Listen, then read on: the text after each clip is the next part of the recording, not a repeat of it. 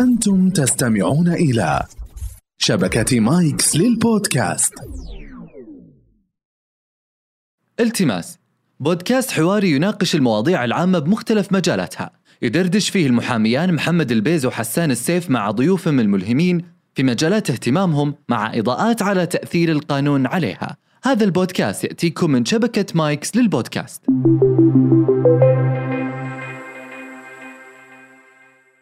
تعال عطنا العقد ما في. باختصار شديد يعني تبدأ من الاحتياج. ثمن المخالفة. قد يكون باهظ نبغى عقد شامل.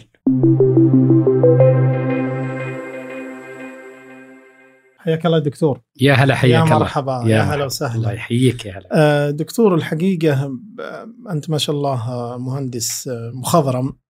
ومريت بتحولات كبيرة في المشاريع الهندسية واطلعت على مشاريع القطاع العام والخاص. والحقيقة آه، تجربتنا إحنا كمحامين وأنا حتى تجربتي أيضا في القضاء سابقا أنه من أكثر المنازعات تعقيدا آه، منازعات ال- العقود الهندسية. آه، لأسباب كثيرة جدا يمكن نستعرض إن شاء الله بعضها في. اللقاء.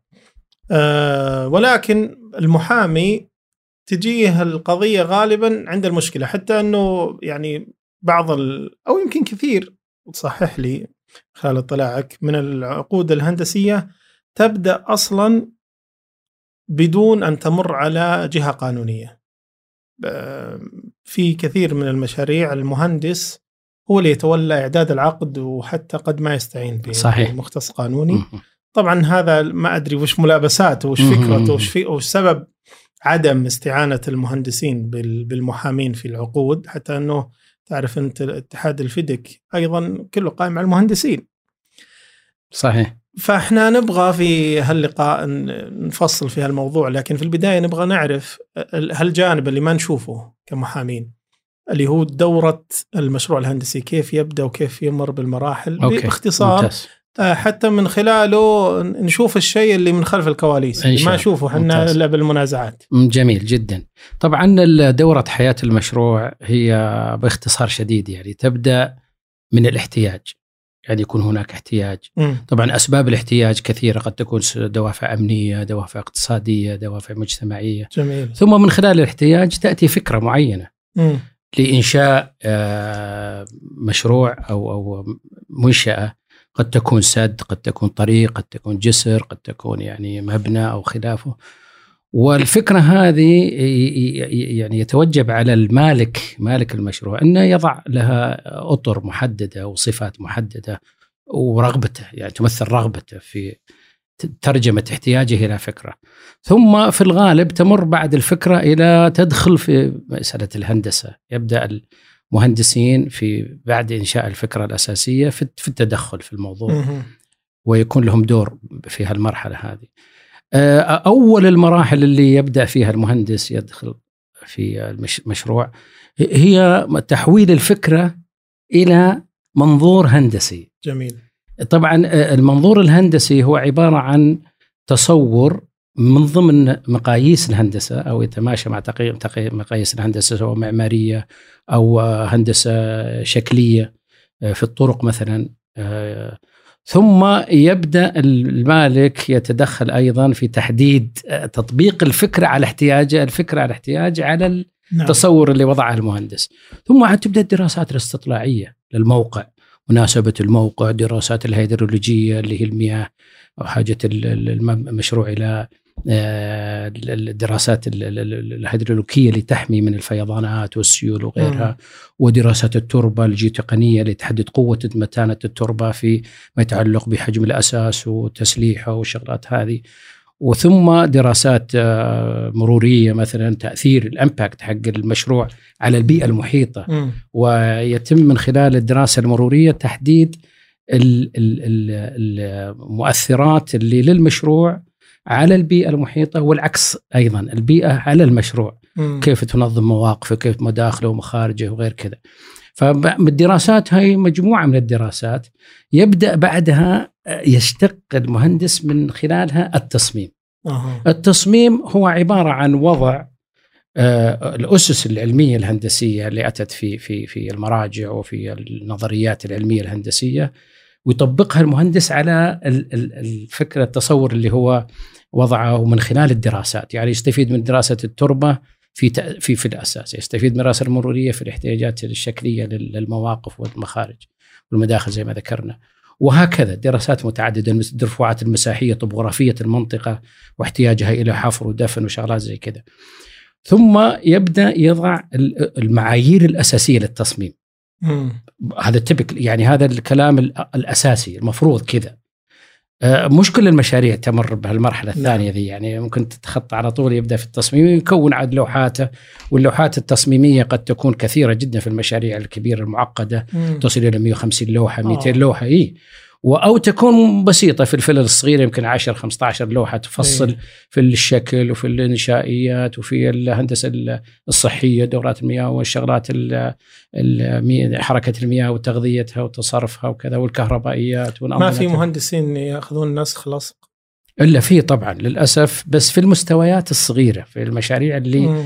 يعني يعني خلينا نقول تتكرر بشكل عادي السائد للأسف إنها تكون على هيئة قصر نسخ ولصق يعني لكن المشاريع المميزة يعني يصعب على المهندس يمكن يبي تتمنى كذا بس ما يقدر لأن المشروع فيه اختلاف عن ما لديه من نعم أشياء يقدر يقص منها ويلزق أو طيب. يستفيد منها. ثم بعد هذا تأتي عاد دور المواصفات. إعداد المواصفات التي تحكم تنفيذ المشروع. آه. لأن المواصفات وش دورها؟ هي الرؤية التي فنيا تنزل المشروع إلى الواقع. مم. الوا... عندك المشروع جزئين فيه رسمة ومواصفة، يعني ال- العمل.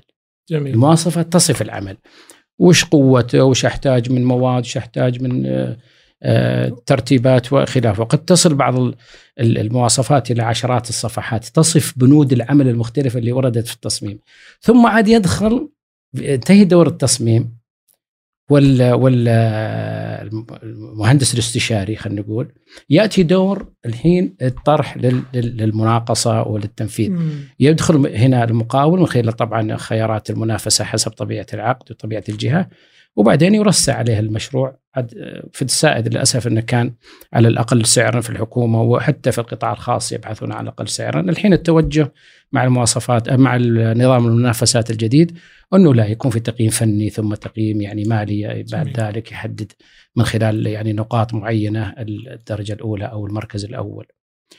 بعد ما يبدأ يرس يرس المشروع يبدأ تبدأ المرحله الأساسية يعني مرحلة التنفيذ المشروع. هنا تبرز المشاكل. مم. هل التصميم صحيح؟ هل التصميم موافق للواقع؟ هل المساحة مطابقة للواقع؟ هل الجهه التقنيه درست التربة صح؟ قد يكون عندك أمر بسيط جدا إنه في مشروع مثلا أنا أذكر قصة صارت إنه في مشروع ال coordinates الإحداثيات بعد ما سلمت المو... للمقاول وبدأ يشتغل يمكن خلال شهرين ثلاثة شهور وحفر كمية كبيرة من في الموقع جاء خلينا نقول الاستشاري والمالك يركضون يقولون تعال ترى في خطأ في ال coordinates آه. في الإحداثيات. فكان المبنى موقع في الطبيعة على غير موقعه ال- المطلوب. فتوقف العمل طبعا وصححوا المخططات وكذا. نشأ من هذا نزاع في المدة لأنهم وقفوا آه. وفي مطالبته بالحفر اللي صار إيه، على الخطأ. تعويض عن تعويض عن الخطأ اللي صار. لا لكن دكتور اللي المعذرة يعني جزئية العقد وين تكون في هالمراحل؟ أنت الحين وصلت بنا للتنفيذ بس. أكيد العقد في في هنا في في العقود آه، يعني خلينا نقول بشكل عام. في مراحل الاستطلاع في عقود. إيه. وفي مراحل بس عقود صغيرة الحجم يعني نعم. قيمها مئات الألوف الريالات. وحتى لو كان المشروع كبير. ثم تدخل في مشروع مش- في مرحلة التصميم. مرحلة التصميم في عقود أيضا. وفي الغالب هو عقد واحد يصمم المكتب الاستشاري سواء كان محلي أو خارجي. من اللي يسوي العقد؟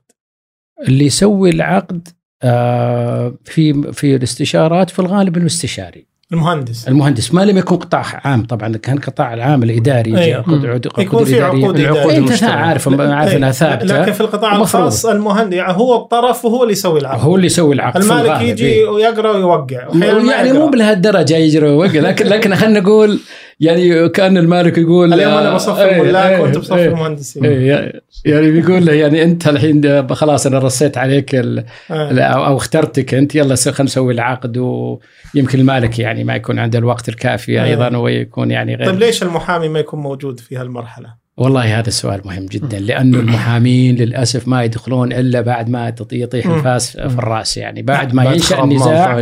يضطر أو أو يعني يفكر المالك أو الاستشاري أو المقاول باللجوء إلى. إلى ال- إلى. إلى المحامي لا أو لكن هل. هل خلينا نقول يعني نحطها على المحامين هل فعلا المحامين من خلال معاملتك لهم في المشاريع الهندسية في العقود هل في عندهم التأهيل الكافي إنه ياخذ هذا الدور ولا أنا أتوقع التأهيل ليس الإشكال يعني مم. الإشكال هو في التكلفة الإضافية آه. التي يجب أن تدفع من سيدفع التكلفة هذه آه. لأن الحين لاحظ انها الحين العقد خلينا نقول كأنه يدور بين الطرفين بين المالك وبين الجهة الأخرى سواء في في المقاول أو جهة الاستشاري. في الغالب آه، الاستشاري يسوي العقد حتى يسوي عقد المقاول هو مم. الاستشاري هو اللي ينشئ العقد جداول كميات ينشئها الاستشاري وصف البنود ينشئها الاستشاري المخططات يسويها الاستشاري. فجميع ال- ال- ال- ال- ال package أو ال- ال- ال- خلينا نقول ال- ال- الشنطة التعاقدية. الشنطة التعاقدية الخاصة بالعقد للتنفيذ ي- يسويها الاستشاري. طيب ليش ما تتحمل هالمشروع؟ المشروع مدفوع فيه ملايين ويعني ما أتوقع حتى عقد المحامي صياغة عقد ما أتوقع بيكلف ولا حتى مئات الألوف. والله والله هو الواجب بس أنا ماني يعني ملاحظ إن تواجد قانونيين حتى في المشاريع يعني مرت علي مثلا م- مشروع اللي كتب المواصفات الخاصة وهي كانت مواصفات شوي فيها نوع من التعقيد وتداخل مع الأمور الإدارية في العقد لأن العقد الموحد للحكومة أنت عارف إنه إيه. ثابت ما يتغير إيه. عن عقد كل الأشغال. أشغال. عقد الأشغال العامة إيه نعم. هذا ثابت مم. اللي الفصول اللي بعدها أو الملاحق اللي هي المواصفات الخاصة جداول كميات. الكميات وغيرها هذه ينشئها حسب مشروع المشروع صح وهي المرجع في الأساس في في حال الاختلاف ولكن تجد إن اللي يعدها منهم مهندس. فيه تقاطع كبير بينها وبين ال- ال- ال- المتطلبات العامة نعم فيكون في تعارض بعضها هذا المشكلة إيه. صحيح. وفي الغالب للأسف اللي يسوونها مهندسين ما يستعينون لا حتى الإدارات القانونية موجودة في بعض نعم. الجهات صح. بس انه يعني لا يتدخل فيما أعلم ال- ال- الإدارة القانونية أو المحامي في إعداد العقد في المرحلة هذه المشكلة أو قلة خلينا نقول المشكلة أنا أشوف نعم. جهات حكومية وشركات تفصل إدارة العقود عن إدارة. القضايا والإدارة القانونيه القانونية هذا. الواقع هذا إيه. صحيح صحيح بالضبط. هل هذا تشوف إنه حتى في القطاع العام يعني صحي؟ لا هو هو قد يكون يعني صعب تدمجهم لكن ال- الحل الأمثل انه يكون من ضمن البروسيس العملية الإجرائية لطرح أي عقد يكون في خطوة أن يمر هذا على الإدارة القانونية. وتراجعه قانونيا. تأكد من انطباقة الأنظمة عليه وتداخله فيما بين موجود تناقض. بنوده. يكون ما يكون في تناقض ما يكون في يعني آه، تضارب في آه، مس- مستندات العقد. لأن العقد تتكون من مستندات كثيرة يمكن ثمانية تسع مستندات. والمستند يكون انها أو وثيقة خلينا نقول. كل وثيقة عشرات الصفحات مم. فكل واحدة قد تتعارض مع الثانية. مم. ثم بعدين معظم العقود الإدارية تقنن س- سيادة المستند على الآخر أي يعني الذي يسود هو الأعلى كما في في نصوص العقد وهي م- مدرجة بشكل حسبا منظم لوجود التناقض أو متحسبا لوجود التناقض ولكن لو كان في تناقض سينشأ النزاع بالضرورة لأن أكيد. التناقض سيكون إذا مصلحة المقاول بالضرورة هو سيتمسك بموقفه والعكس صح. صحيح بالنسبة للمالك. بعد عملية التنفيذ تدخل عملية الصيانة وهذه يعني مينتابيلتي الصيانة قابلية المشروع للصيانة هذه منسية نهائيا ولذلك تدخل في مشاكل كثيرة في صيانة المش... مم. المرفق مم. هذا. هل هو قابل للصيانة؟ أثناء عملية التصميم يجب أخذ هذا في الحسبان لكن للأسف إنه يعني قل ما يؤخذ اللي هو مقدرة الفريق بعدين أو المالك في صيانة المشروع من عدمها صعوبة الصيانه أحيانا ما يحطون لها. أصلا تكلفة هو تكلفتها هي خارج. الموضوع بس إنها هل المبنى بشكله المنفذ سهل صيانته ولا صعب؟ مم. قد يكون فيه حتى بعض الم- الم- المباني تجد إن ال- الإضاءة موضوعة في أماكن ما حد يقدر يصلها أصلا إيه؟ وبالتالي يعني عوضا عن تكاليف بسيطة في صيانة مثل هالنوعية من الأعمال إلا أنك تجد إنها تكلف مبالغ ضخمة نعم لأنها لم تصمم أصلا لإمكانية الصيانة بسهولة. جميل ففي كل هالمراحل اللي ذكرتها ابتداء من الاحتياج للفكرة لبناء الدراسات والاحتياجات الاستطلاعية ثم التصميم ثم التنفيذ وبعدين صيانة المشروع يعني يبدأ المشروع بعد يمكن ال life cycle حقه خلينا نقول 50 سنة أو 30 مم. سنة بعد مرور فترة الصيانة دي يكون ال- المشروع أدى دوره يعني مم. وخلال هالمسيرة دي حدث ولا حرج عن النزاعات. إيه. وكل موضوع فيه تعاقد يكون فيه طبيعي. نزاع بين الأطراف للاسف. ومن الأمور اللي أيضا تغفل اللي هو الهندسات دراسة الهندسة القيمية اللي هي آه، يعني النظر في الغرض والجودة مقارنة بالتكلفة يعني آه. فالي فور ماني يعني تقول أنت والله أنا بحط هالشيء بيكلفني كذا مم. مليون طيب يسوى ولا ما يسوى؟ أحسنت يسوى ولا ما يسوى فهذه فريق دراسة قيميه قدر أسبوعين يفصفص بعد التصميم المشروع ثم يوجد له يعني آه، أفكار جديدة. لتقليل التكلفة مع المحافظة على الغرض من المشروع وش تبي به بالضبط مم. وأيضا الجودة والنوعية بدون المساس يعني. الهندسه القيمية هدفها فقط إدارة التكاليف إدارة التكاليف بالضبط جميل. بالضبط بالضبط و- بس هذا مو شغل محاسبي بحت لا لا لا هندسي لأنها هي هو يدرس المواصفة نفسها وتكلفتها كيف فهو كيف يجيب مواصفات أقل تكلفة؟ أقل آه، بالضرورة. جميل أو انه هي تشالنجينج يعني هو يتساءل في. الأساس يناقش أساسا الاحتياج للبند الفلاني اللي بيكلفني مثلا مليون في المشروع. هل أنت تحتاجه ولا لا؟ نسمع كثير. بالغ في الحديد بالغ مم. في لا هذه ما لها علاقة بالهندسة القيمية. آه. هذا موضوع آخر. لا الهندسة القيمية أي. مختلفة شوي. الهندسة القيمية مو المفترض يدرس إنه يشوف أنت أخذت كميات من الحديد أكثر من اللازم. لا لا لا هذه لا لا شوف هذا موضوع آخر. موضوع. ال peer reviewing هذا هذا يدخل مرحلة التصميم في مرحلة غائبة في القطاع في عندنا هنا. أي. في الخارج بعد ما تصمم يشكل فريق حيادي ينظر في الأمور هذه. هل الحديد صحيح؟ هل الخرسانه صحيحة؟ هو ليس ينظر من باب التكلفة. آه. هو ينظر من باب الفشل والانهيار. لا لا أنا أنا أتكلم إيه. إن- إنه هو هو هو بالضروره هو- يعمل على يعني الأمثلة اي المناسبة للحديد بالضرورة. بس الهندسة القيمية يعني آه، إن- إنشاء المالك إنها تتدخل في هالأمر قد يكون بس إنها في الغالب هي تنظر لعناصر ال- ال- المشروع المؤثرة في التكلفة بشكل مباشر ما نعم. يروح ل- يعني ما في دراسة إنشائية آه. عشان يدرس الحديد هل هو ما يشوف الجوانب الإنشائية لا لا لا ما يشوف جوانب ممكن إنشائية. يشوف الجوانب الجمالية مثلا الجمالية ال- أو الموقعية مثلا إيه. يعني مثلا أعطيك مثال يعني في برج ضخم وضع آه، آه، ال- ال mechanical works فيه. الاعمال الميكانيكية الخاصة بالتبريد والتدفئة وال حتى اطفاء الحرائق نظام اطفاء الحرائق. كان موضوع في مكان لما درست الهندسة القيمية ودرسته وجدت إن تحريكه بس هل, هل هذا من مك- مكان لمكان آخر وفر عليهم كم مليون. آه. والغرض ما تغير يعني نفس القوة نفس القدرات نفس الاحتياج نفس كل شيء بس وين تحط ال- ال- ال- ال- المعدات هذه تحطها فوق في المبنى ولا تحت وما تنسون سالفة اللي في في, في أعتقد إنها في كوريا أو تايوان إنه مبنى ضخم جدا وكان شوية يبدو التكييف ما كان كويس فكان في مشروع إضافي للتكييف حطوه فوق. اعلى في, الس... في الس...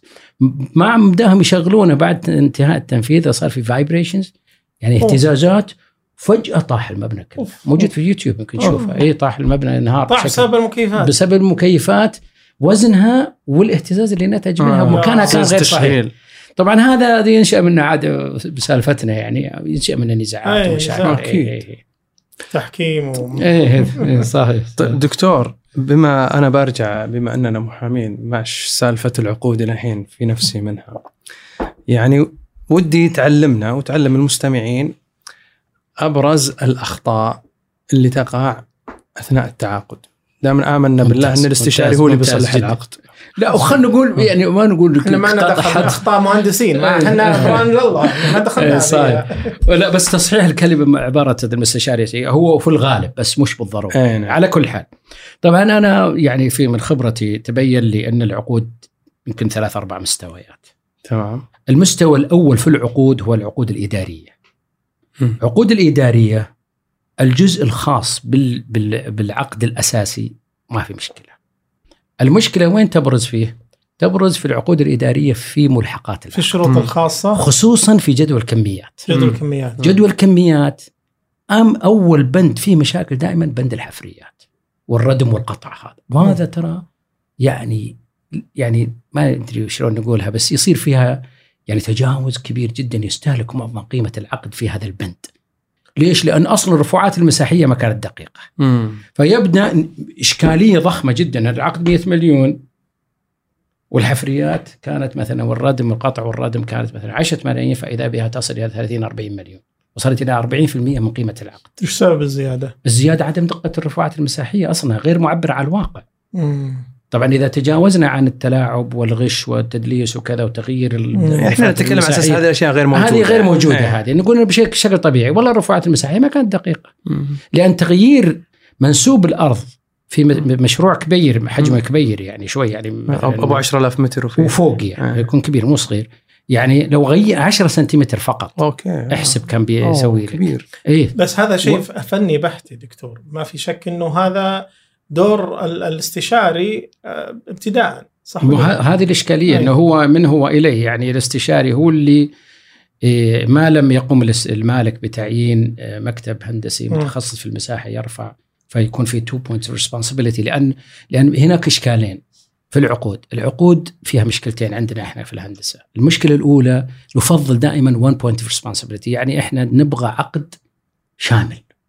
مم. يفضل دائما انه يكون طرف العقد يسوي كل شيء في المشروع شخص جهة واحدة. مم. ولذلك ال FIDIC عندهم design build اللي يصمم ونفذ إيه يعني اللي يصمم هو اللي ينفذ آه، حلو مم. وبالتالي يعني دمجوا والله بشكل عام أفضل بالنسبة لنا كمهندسين لكن قد يكون بالنسبة لل القطع الاشياء الأخرى القانونيين والمحامين وكذا قد يكون في لهم رأي آخر بس إحنا دائما نفضل المشروع على كبر حجمه انه يكون عقد واحد مم. أفضل لك أنت لأنه يكون خلينا نقول بالعامية تجيب لك شخص واحد مم. فعودا على بدء بالنسبة للعقود الحكومية العقود الحكومية ما قلت لك يعني فيها انضباط في مشكلة شوي في جذب الكميات بسبب تفاوت دقة الاعداد لها. مم. ولكن النزاعات فيها محدودة ومحصورة في أمرين أنا من خبرتي الأمر الأول نزاعات الزمن إيه. تأخير غرامات وسحب المشروع. وسحب الم... لا مو سحب المشروع مع غرامات اللي تتعلق بال... بالوقت مم. الخلافات اللي تتعلق بالوقت غرامات التأخير آه. آه، صمت التقديمات تتأخر عند المالك المخططات مم. واعتمادها مم. لأن طبعا أنتم يمكن ما تعرفون شيء المخططات التصميمية اللي تكلمنا عنها من شوي ترى ما هي اللي هي اللي تنفذ بالنهاية لا،. مخطط تنفيذي يصير في مخطط تنفيذي يسميه نسميه إحنا مهندسين شاب درونكس اللي هي مخططات الورشة. الورشة. مخططات الورشة يسويها المقاول تحت إشراف الاستشاري لرسم بشكل دقيق صفة الشيء هذا اللي من الواقع. لا حسب المخططات الأساسية ورغبة أي. المالك. اي يعني مثلا آه، تفاصيل سماكة ال- الأشياء آه، في ديكور مثلا عمق الديكور. هذا مو موجود في هذا ما في الغالب ما. يكون فيه. آه، بس لا بس لازم يرفع المقاول للاستشاري يوافق عليها قبل بالضرورة ما ينفذ بالضرورة بالضرورة. طيب بس أنا أنا المعذرة دكتور على المقاطعة بس يعني أنا ودي نفصل في جزئية تتعلق بالعقود اللي هي الآن أنت أشرت إلى عقود الفيدك هل هل المقاول الآن عفوا المهندس اللي لما يبدأ يشتغل العقد هل هو يعتمد نماذج الفيدك ويعدل عليها؟ ولا يكتب العقد من الصفر أو عنده نماذج أخرى؟ هو ممكن كذا وممكن كذا بس إنه في الغالب ما يعتمد على عقود الفدك، عقود الفدك فيها شوية آه، صعوبة. لا مو صعوبة فقط. هي فيها صعوبة ولكن فيها فكرة مختلفة، إيه فكرتها وش هي؟ عقود الفدك. توازن الأطراف، أها. لك حقوق طيب. وعليك واجبات، منطقي. وأنا لي حقوق وعلي واجبات. طيب هذا منطقي. هذا مو هذه اللي م- يعني تعرف إن المالك دائما يريد ما- أن يوجه يبغى كفته كذا. ما يبغى كذا. فدائما يعني الاستشاري يميل مع المالك وبالتالي يكون الطرف اللي لكن الاستشاري في عقده مع المالك أيضا ما يعتمد على عقود الفيدك لا مو بالضرورة لأن عقود الفدك أكثرها على التنفيذ. ت- التصميم بشكل مباشر يمكنها عقود أبسط بكثير من آه. العقود هذه. فبالتالي نعود على موضوع الع- نعم. العقود إذا معظم نزاعات العقود الحكومية هي تتعلق بالوقت وغرامات التأخير تتعلق بنوعية وقبول العمل مش مم. أي نوعية قبول العمل نوعيته من ناحية الجودة هل هو مقبول ولا مرفوض أيضا يكون هناك بعض المرات وإن كانت قليلة جدا. نزاعات في الكميات نعم النوع المستوى الثاني عقود الشركات الكبرى مم. عقود الشركات الكبرى دائما تكون مبنية على ال international standards يعني المقاييس العالمية مثل عقود ال FIDIC وغيرها. ولذلك فيها نزاعات محدودة. يعني نزاعات مثلا شركات تنفيذ مشروع المترو الرياض.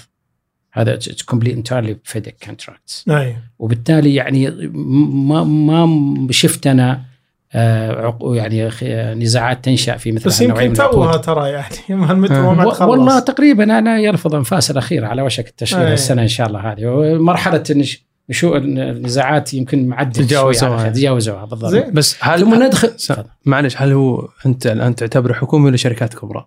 لا شركات كبرى لأن لأن لأن العقود الفدك غير مطبقة في الحكومة مم. يمكن العقد اللي يمكن يعني زي ما تقول تنازلت امتياز عليه مثلاً. الجهات ذات العلاقة يأخذ 60% من عقود الفدك إيه. فظل في 40% من ما في العقود الفدك لا زالت غير موجودة في العقود الحالية مم. بعد هذه عقود استثنائية ترى مم. بس العقود العامة لا يمكن نسبة الفدك فيها شبه معدومة يعني مم. لأن مثل ما قلت لك الفدك فكرته توازن التوازن مم. بين الأطراف يعني إذا أخرت فلوسي اذا أنجزت العمل حسب المطلوب. أوكي. واقريت أنت كمالك يعني. ووقفت وقعت على هذا يجب تدفع لي فلوسي مك أكثر مدة يسمح بها الفدك 56 يوم. هذا لازم قروشك في حسابك. 56 يوم من تاريخ من. تاريخ قبول العمل وتوقيع الطرفين على صحته.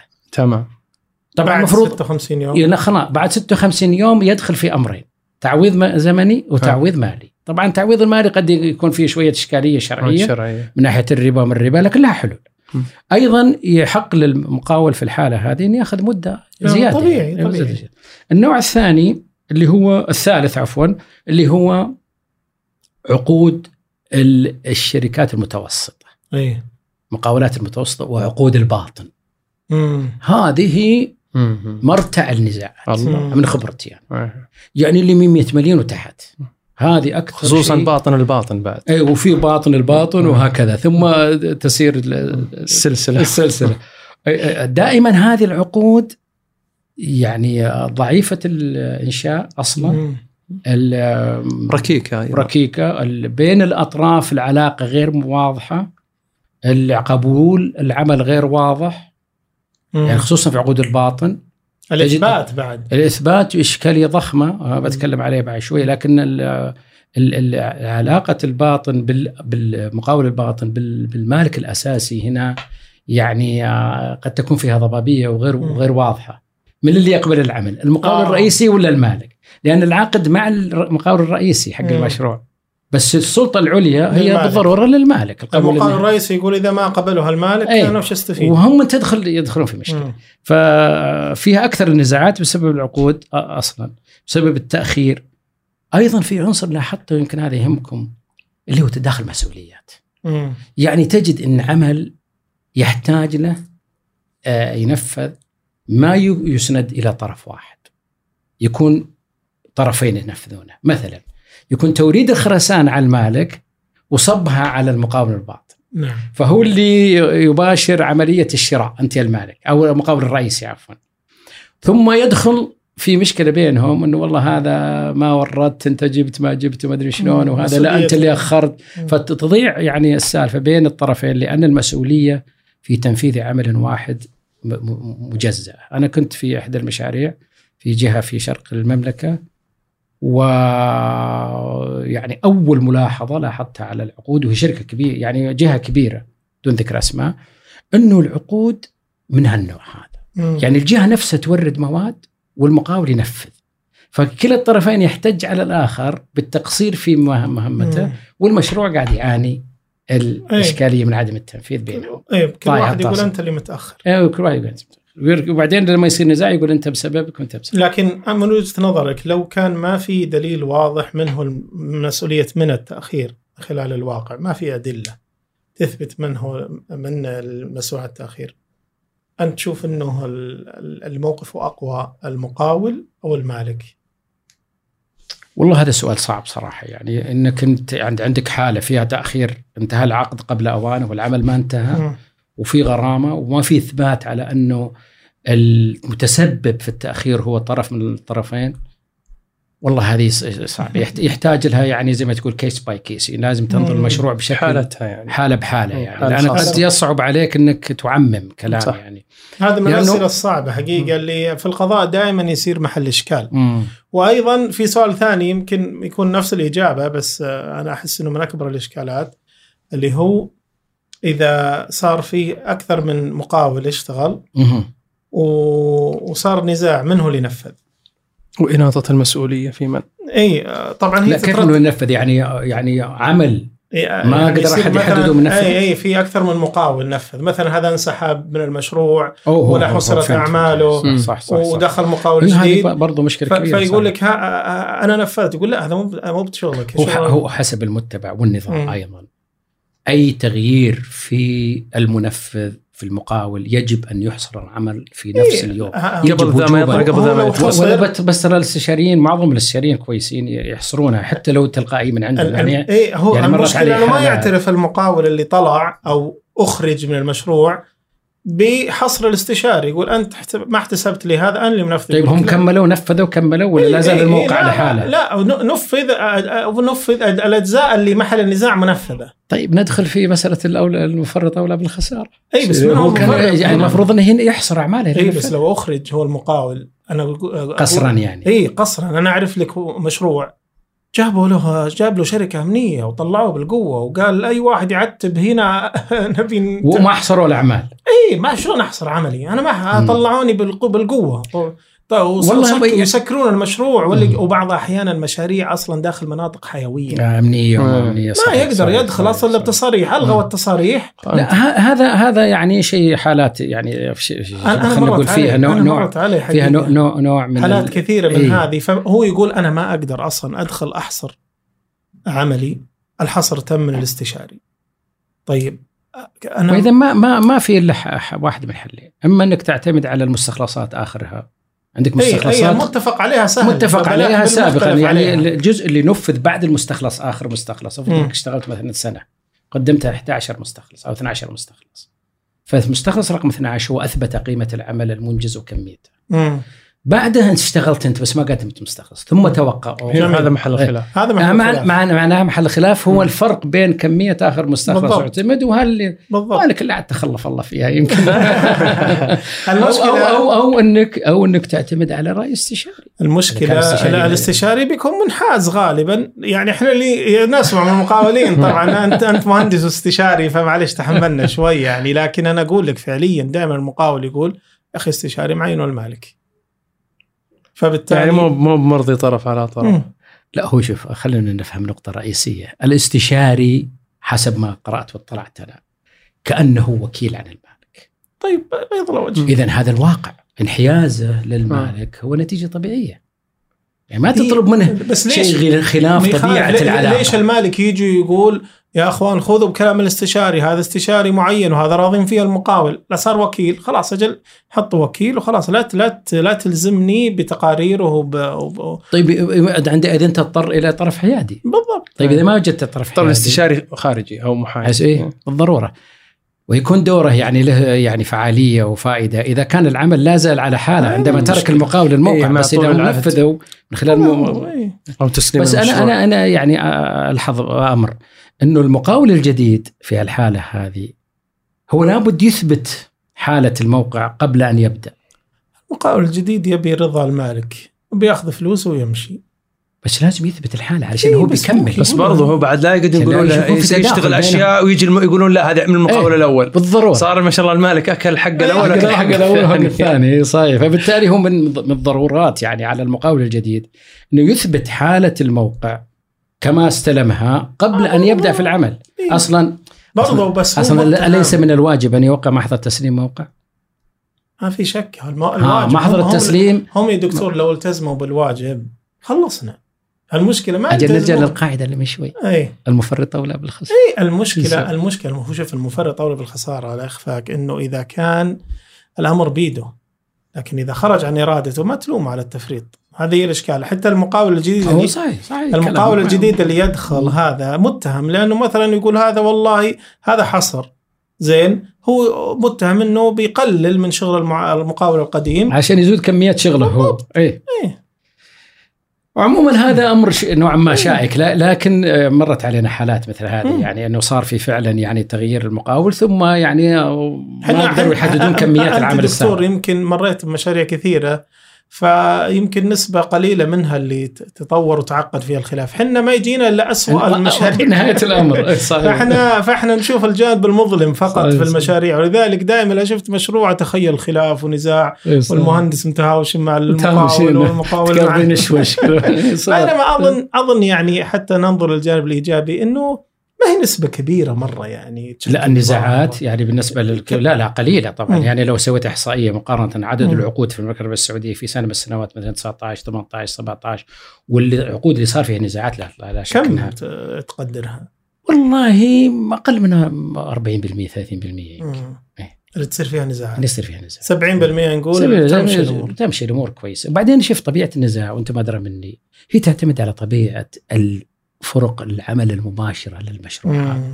إذا والله ال- ال- الفريق اللي من المالك يعني خلينا نقول بالعامي كذا أقشر وفي يعني حدة وفي نوع من ال- الت- التدقيق ال- وبذكر لك سالفة يعني. بالغ فيه. مبالغ فيه. هذا ما- أكيد بينشأ نزاع. المقاول أيضا كيف أريحيتي؟ كيف تتعاون كيف كذا؟ إذا هو أيضا يتشدد في كل مسألة ويطلب إثباتات ويطلب كذا ويمتنع عن تنفيذ الأوامر وكذا أيضا مم. احتمال تشدد والاستشاري نفس الشيء. أنا أذكر حالة تحكيمية كنت فيها أنا. كان الطرف المحتكم المحتكم يطالب خلينا نقول بحدود مليون ونص. يوم درسنا وفلفلنا وناظرنا ال- المستندات والإثباتات والأوراق ما طلع لها إلا حدود 300 ألف. آه. يعني خمس ما كان يطالب فيه. مم. وش يدلك على يدل عليك يدلك على أنه هو كان متشدد جدا في تحديد قيمة المطالبة من المحتكم ضده اللي هو المقاول. يعني حتى المسمار قال هذا مايل هذا ب 10 ريال هذا ما أدري وش بلاط المنقلع قال ذا ب 50 ريال. يمشي ويجرد فتراكمت الكميات اللي هو يرى أنها غير مناسبة إلى أنه إحنا كخبراء وك يعني نظرنا في المشروع ونظرنا في الموقع ونظرنا في الأمور هذه مم. إنه لا يستحق إلا مثلا خمس مطالبته مم. فهذا يدلك على يعني جانب التشدد الأتيتيود يعني موقف الناس من النزاع تريد أن تنشئ نزاع أم تريد أن تحل الموضوع أي. ويمشي الأمور جزء من الحل وجزء من جزء من المشكلة إيه. نعم. خلينا نكمل على موضوع العقود العقود قلنا المتوسطة وعقود الباطن هي اللي ترتع فيها النزاعات وفيها مم. المشاكل وسببها العقد نفسه العقد غير متين غير مجود لغته ضعيفة آه، وفي تناقضات بين آه، مستندات آه،. مخططات غير متكاملة الجدول كميات أيضا في إشكاليات وعدم مطابقته لل لل- للمخططات لأنه يمكن جاء من طريق لصق و- نفس الوصف. نسخ ولصق أيضا التأخير دائما مشكله دائما في العقود تاخير دائما والسبب حق التأخير هنا مع قدرة المالك على الموافقة السريعة إلا أن تداخل المسؤوليات مم. فيبدأ الأمر يصير يعني فيه عنصر زمني قاعد يسحب علينا بدون ما نشعر. المها... و... ذا. تجزئة العمل بين المالك والمقاول هذه لاحظتها أنا في المشاريع الكثيرة يعني أنا مم. دائما أفضل أن العقد يكون اللي طرف واحد ينجز العمل 100% مم. لا تدخل طرف ثاني في إنجاز العمل بس أحيانا هذا يكون متعذر الشيء أصلا اي اي صعبة يكون إنك مم. تتحكم فيه بعدين يعني أنا كنت في إحدى الجهات الحكومية كنت مشرف والموقع ضخم جدا تبع احدى المؤسسات الحكومية في شرق المملكة وفيه تسعه مقاولين. ومقاولين عالميين واحد أو اثنين محليين. مم. وكانت مشاكل بالتنسيق بين المقاولين يعني ما تتصور. لكن شوف مترو الرياض كيف. مترو الرياض قسم المشروع إلى ثلاث أجزاء. آه. ثم وضع كل جزء من المشروع من الزيرو من البداية إلى النهاية في تحالف. في تحالف واحد. إيه. مثلا باكس اللي هو بيكتل وسيمنز وتريبل سي والمباني. هذا مم. تحالف حق ال- البناء الرئيسي اللي هو طريق الملك عبد الله طريق العليا. بحدود 35 مليار. فهذا يعني بيكون المشروع من البداية للنهاية فيها المواقع الجغرافية. في مسؤولية يد واحدة مسؤولية واحدة. بكتل معروفة ما يحتاج. وهكذا بالنسبة للتحالفين الآخرين اللي هي موبيليتي وفاست بس لما تجي انت تجيب مشروع وتدخل فيه اطراف و subcontracts معناها انت تزود فرص.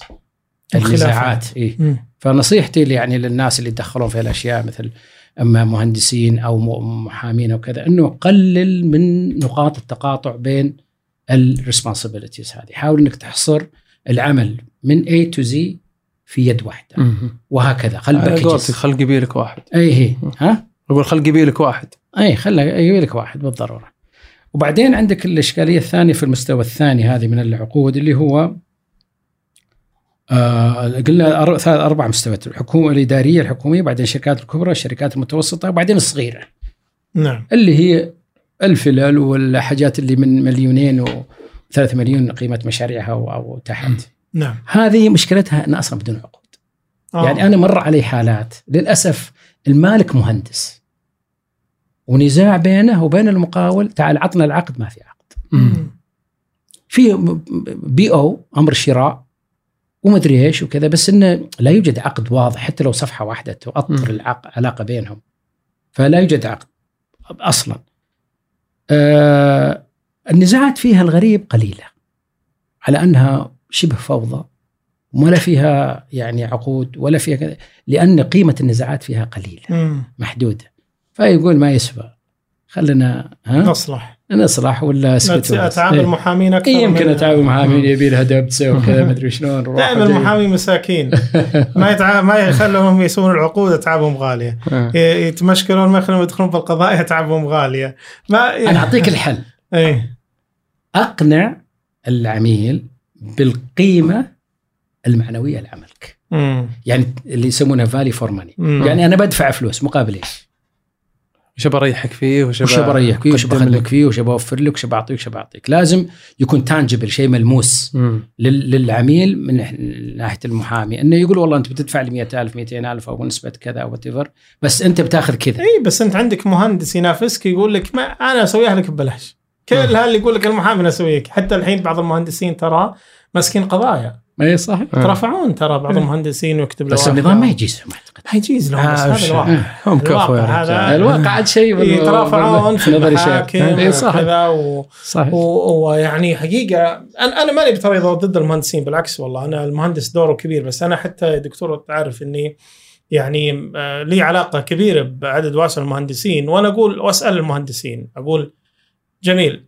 كتابتك للعقد آه، يعني مقبول من ناحية فنية بلا شك أنت بس لابد. تتدخل شيء واحد قانوني ال ال يضبط ال- العلاقة. الإشكال هو وأنت تدري دكتور إن المهندس ما درس أصلا صياغة عقود في تأهيله صحيح صدقت. وهذا جانب يعني للأسف إنه الكليات الهندسة المحلية وغيرها يعني إحنا درسنا اقتصاد هندسي اقتصاد. يعني إحنا لما ندرس آه، أي مشروع ضمن دراسة المشروع اللي يمكن ما ذكرتها في بدايه الحوار إنه يكون في دراسة جدوى اقتصادية ل بعد الاحتياج أي. يعني والفكرة وهذا المهندس له دور فيها. إحنا ندرس اقتصاد هندسي في كليه الهندسة. ولكن للأسف ما مر علي أحد ما, ما, درس ما تدرسون قانوني عقود. ولا عقود ما, ما تدرسون عقود. ندرس يعني إدارة مشاريع. اداره إيه. بس إدارة المشاريع. الحين مختلفة عن العقود مختلفة عن بي. تقصد ال PMP لا لا لا في مواد في كلية الهندسة. في ال undergraduate اللي حق البكالوريوس. تتعلق بإدارة التشييد إدارة المشاريع construction management وكذا بس إن يعني يمكن فيها شوية آه، مساس بالعقود بشكل يعني نوعياتها lump sum contracts و unit. price اللي هي سعر الوحدة والسعر المقطوع. المبلغ المقطوع ولا تسليم مفتاح وكذا بس إنه ما يدخل من جانب قانوني هذا الإشكال إيه. الكلام إنه جيبه من جانب فني أعتقد أي. جانب فني أكثر. مما هو صح. قانوني يعني تنفيذي أكثر ما هو قانوني ويمس الموضوع وش يعني الدورات جميل. القانونية اللي يحتاجها المهندس؟ والله بالضرورة في العقود صياغة العقود صياغة العقود يعني صياغة العقود ودور العقد في آه، يعني ت- يكون العقد جيد يكون نزاعات قليلة العقد. كل ما كان سيء كل ما زادت فرصة. النزاعات طبعا العقد إحنا ما نتكلم على الورقات الصغيرة هذه نتكلم على الباكج حق العقد. اللي هي الم- طبعا المخططات والمواصفات جدول الكميات. وجدول الكميات وخطابات المسابقة للترسية وخطابات الترسية كل هذه تدخل محاضر الاستلام والمحاضر كثير من المهندسين يعني يغفلون هذا الجانب وهو مهم في مسألة الإثبات. آه، اللي هو دور محاضر العمل أثناء المشروع. في التأثير على آه، الإثبات فيكون في محاضر بين مم. الطرفين تغير في العقد أحسنت وما قد لا يكون يعني مدرك أن الأمر تغير في صحيح أنا مرت بعد- علي قضية أي. ولا قطع كلامك ذكرتها بس الحين كان في عقد فيدك أو تقريبا ألغي العقد بمحضر اجتماع ما هذا قصدي. وضعوا شروط جديدة وكذا وصدر الحكم بناء على محضر الاجتماع بالضرورة لأن المد- المهندس أنا اللي أشعر أنا أن المهندسين لا يدركون الأثر أو النتيجة أو الأثر اللي يترتب على محاضر الاجتماعات مم. وخص... لأن هناك أمر آخر واللي هي المذكرات. المذكرات سهولة إنكارها. أنا برسل لك مذكرة تقول ما جتني. فما في مشكلة يعني. ما قد لا تكون وسيلة إثبات قوية مع أنها يعني قرينة مناسبة. لكن محضر الاجتماع لا موقع عليه الطرفين. فأنت كطرف موقع وأنا موقع عليه أيضا. هل تؤيد في المشاريع الكبيرة انه يكون فيه محامي في في في أرض المشروع لا أنا بقترح عليك اقتراح آه. مشابه بس آه. هو ضمن الحلول أو أو يعني. ضمن الحلول اللي. كان إذا تبون نمر عليها الحين ال- طبعا إحنا تكلمنا على مسألة العقود والنزاعات وكثيرة يعني حدود 30 40% في العقود فمن يعني الحلول المقترحة للحد من النزاعات أمور كثيرة جدا خلينا نبدأ بالفكرة اللي ذكرتها أخوي حسن اللي هي مسألة شخص في أرض المش- المشروع يكون محامي أو. طرف حيادي حكم أي حكم. هذا نسميه إحنا آه، شو اسمه طبعا هو في الفدك موجود في الفدك واصل من. أصول المطلوبات حقت الفدك إن يكون فيه خلينا نقول مجلس يسمى أو فريق فض نزاعات اولا بأول. هذا يكون شخص أو شخص ثلاث أشخاص. طبعا يفضل أن يكون آه، يعني وترا على أساس يكون فيه ترجيح للراي في أغلبية. هذا الفريق من بداية المشروع يكون ضمن العقد أصلا. يدفع له بالتساوي بين بين أطراف الع- العقود المشروع. يعني المالك يدفع شوي الاستشاري يدفع شوي المقاول يدفع شوي عشان ما يكون فيه اي يعني. انحر- انحراف أو ميل تجاه طرف مدفوع له. هذا وش دوره هذا الفريق سواء شخص أو أكثر؟ هو يحضر جميع الاجتماعات وخصوصا الشهرية. أها. فيكون ملم بالمشروع اولا بأول. جميل. وفي حال وجود بذرة للنزاع خلاف على تفسير في العقد نص.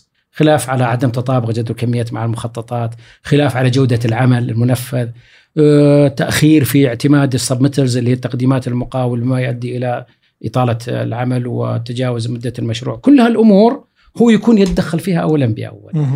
طبعا هو رأيه إنما هو استرشاد يعني هو ما يحكم لهم عشان يعطيهم حرية اتخاذ القرار. مو ملزم. مو ملزم لهم لا. بس إنه يجلس معهم زي الفاسيليتيتر يعني زي المجسر بين الأطراف. يقول يعني يعطي وجهة نظر والله وسيط. كان وسيط بالضبط. هي بالضبط وساطة.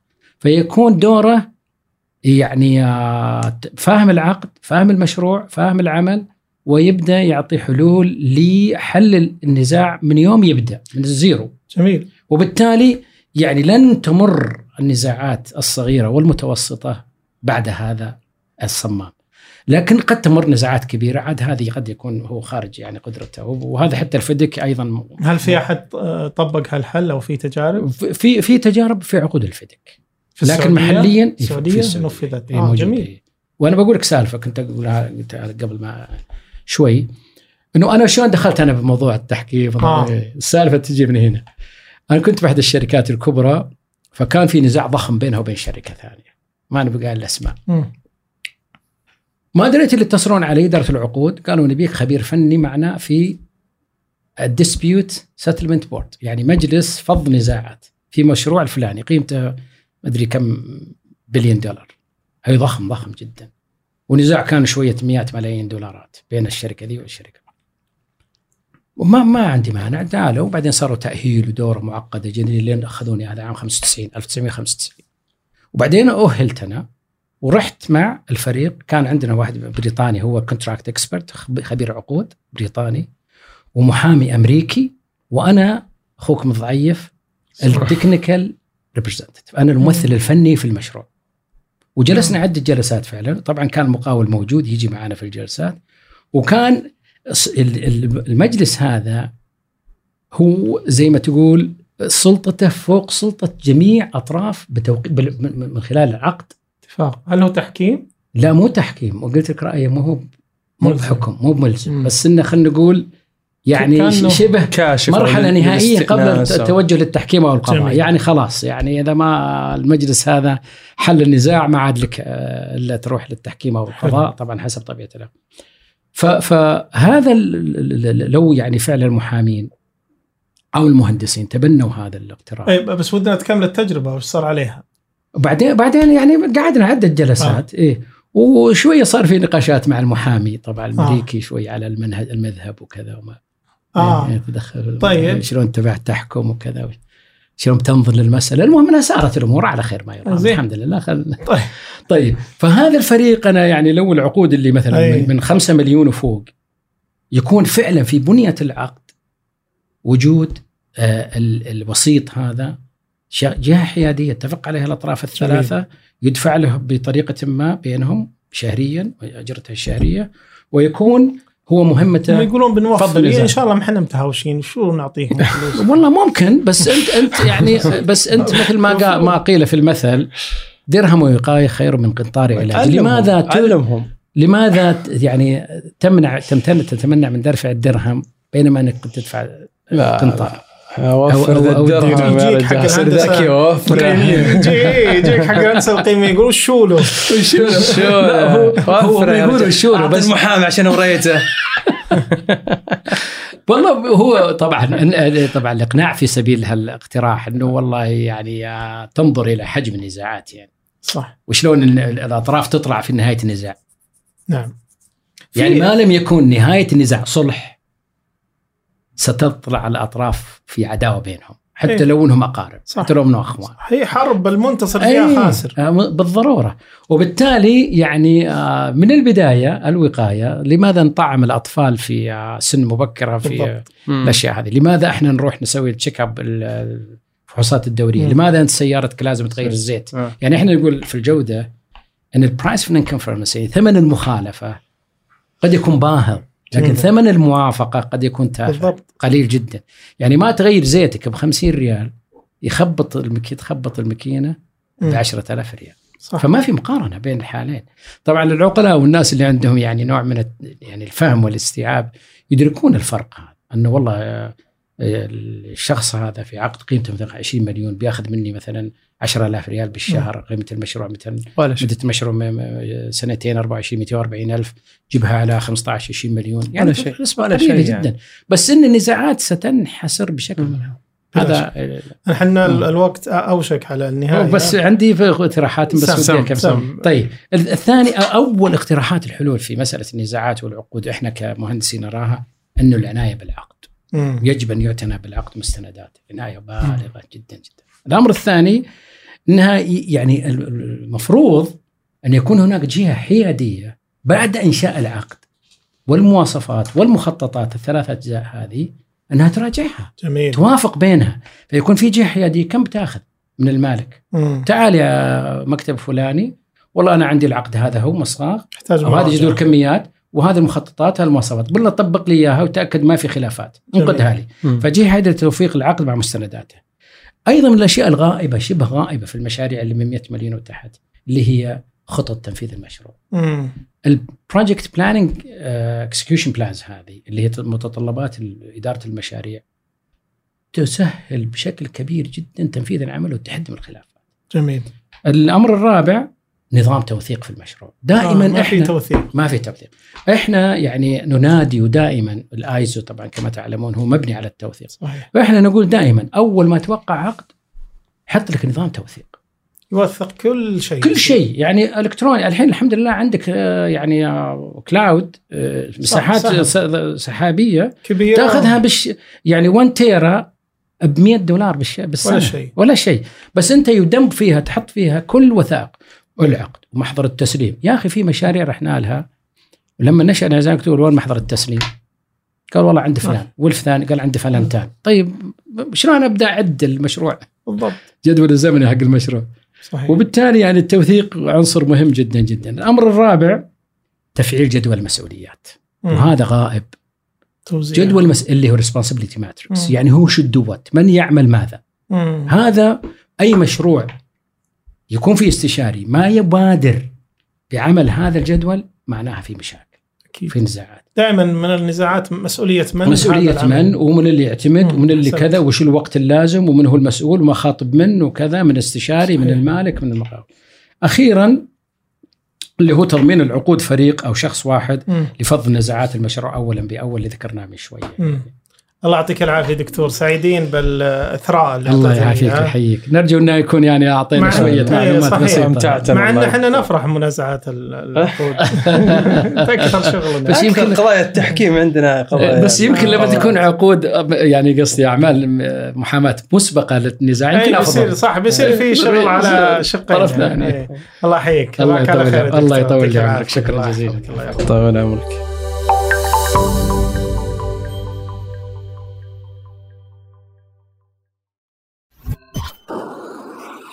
مايكس صديقك المفضل الجديد.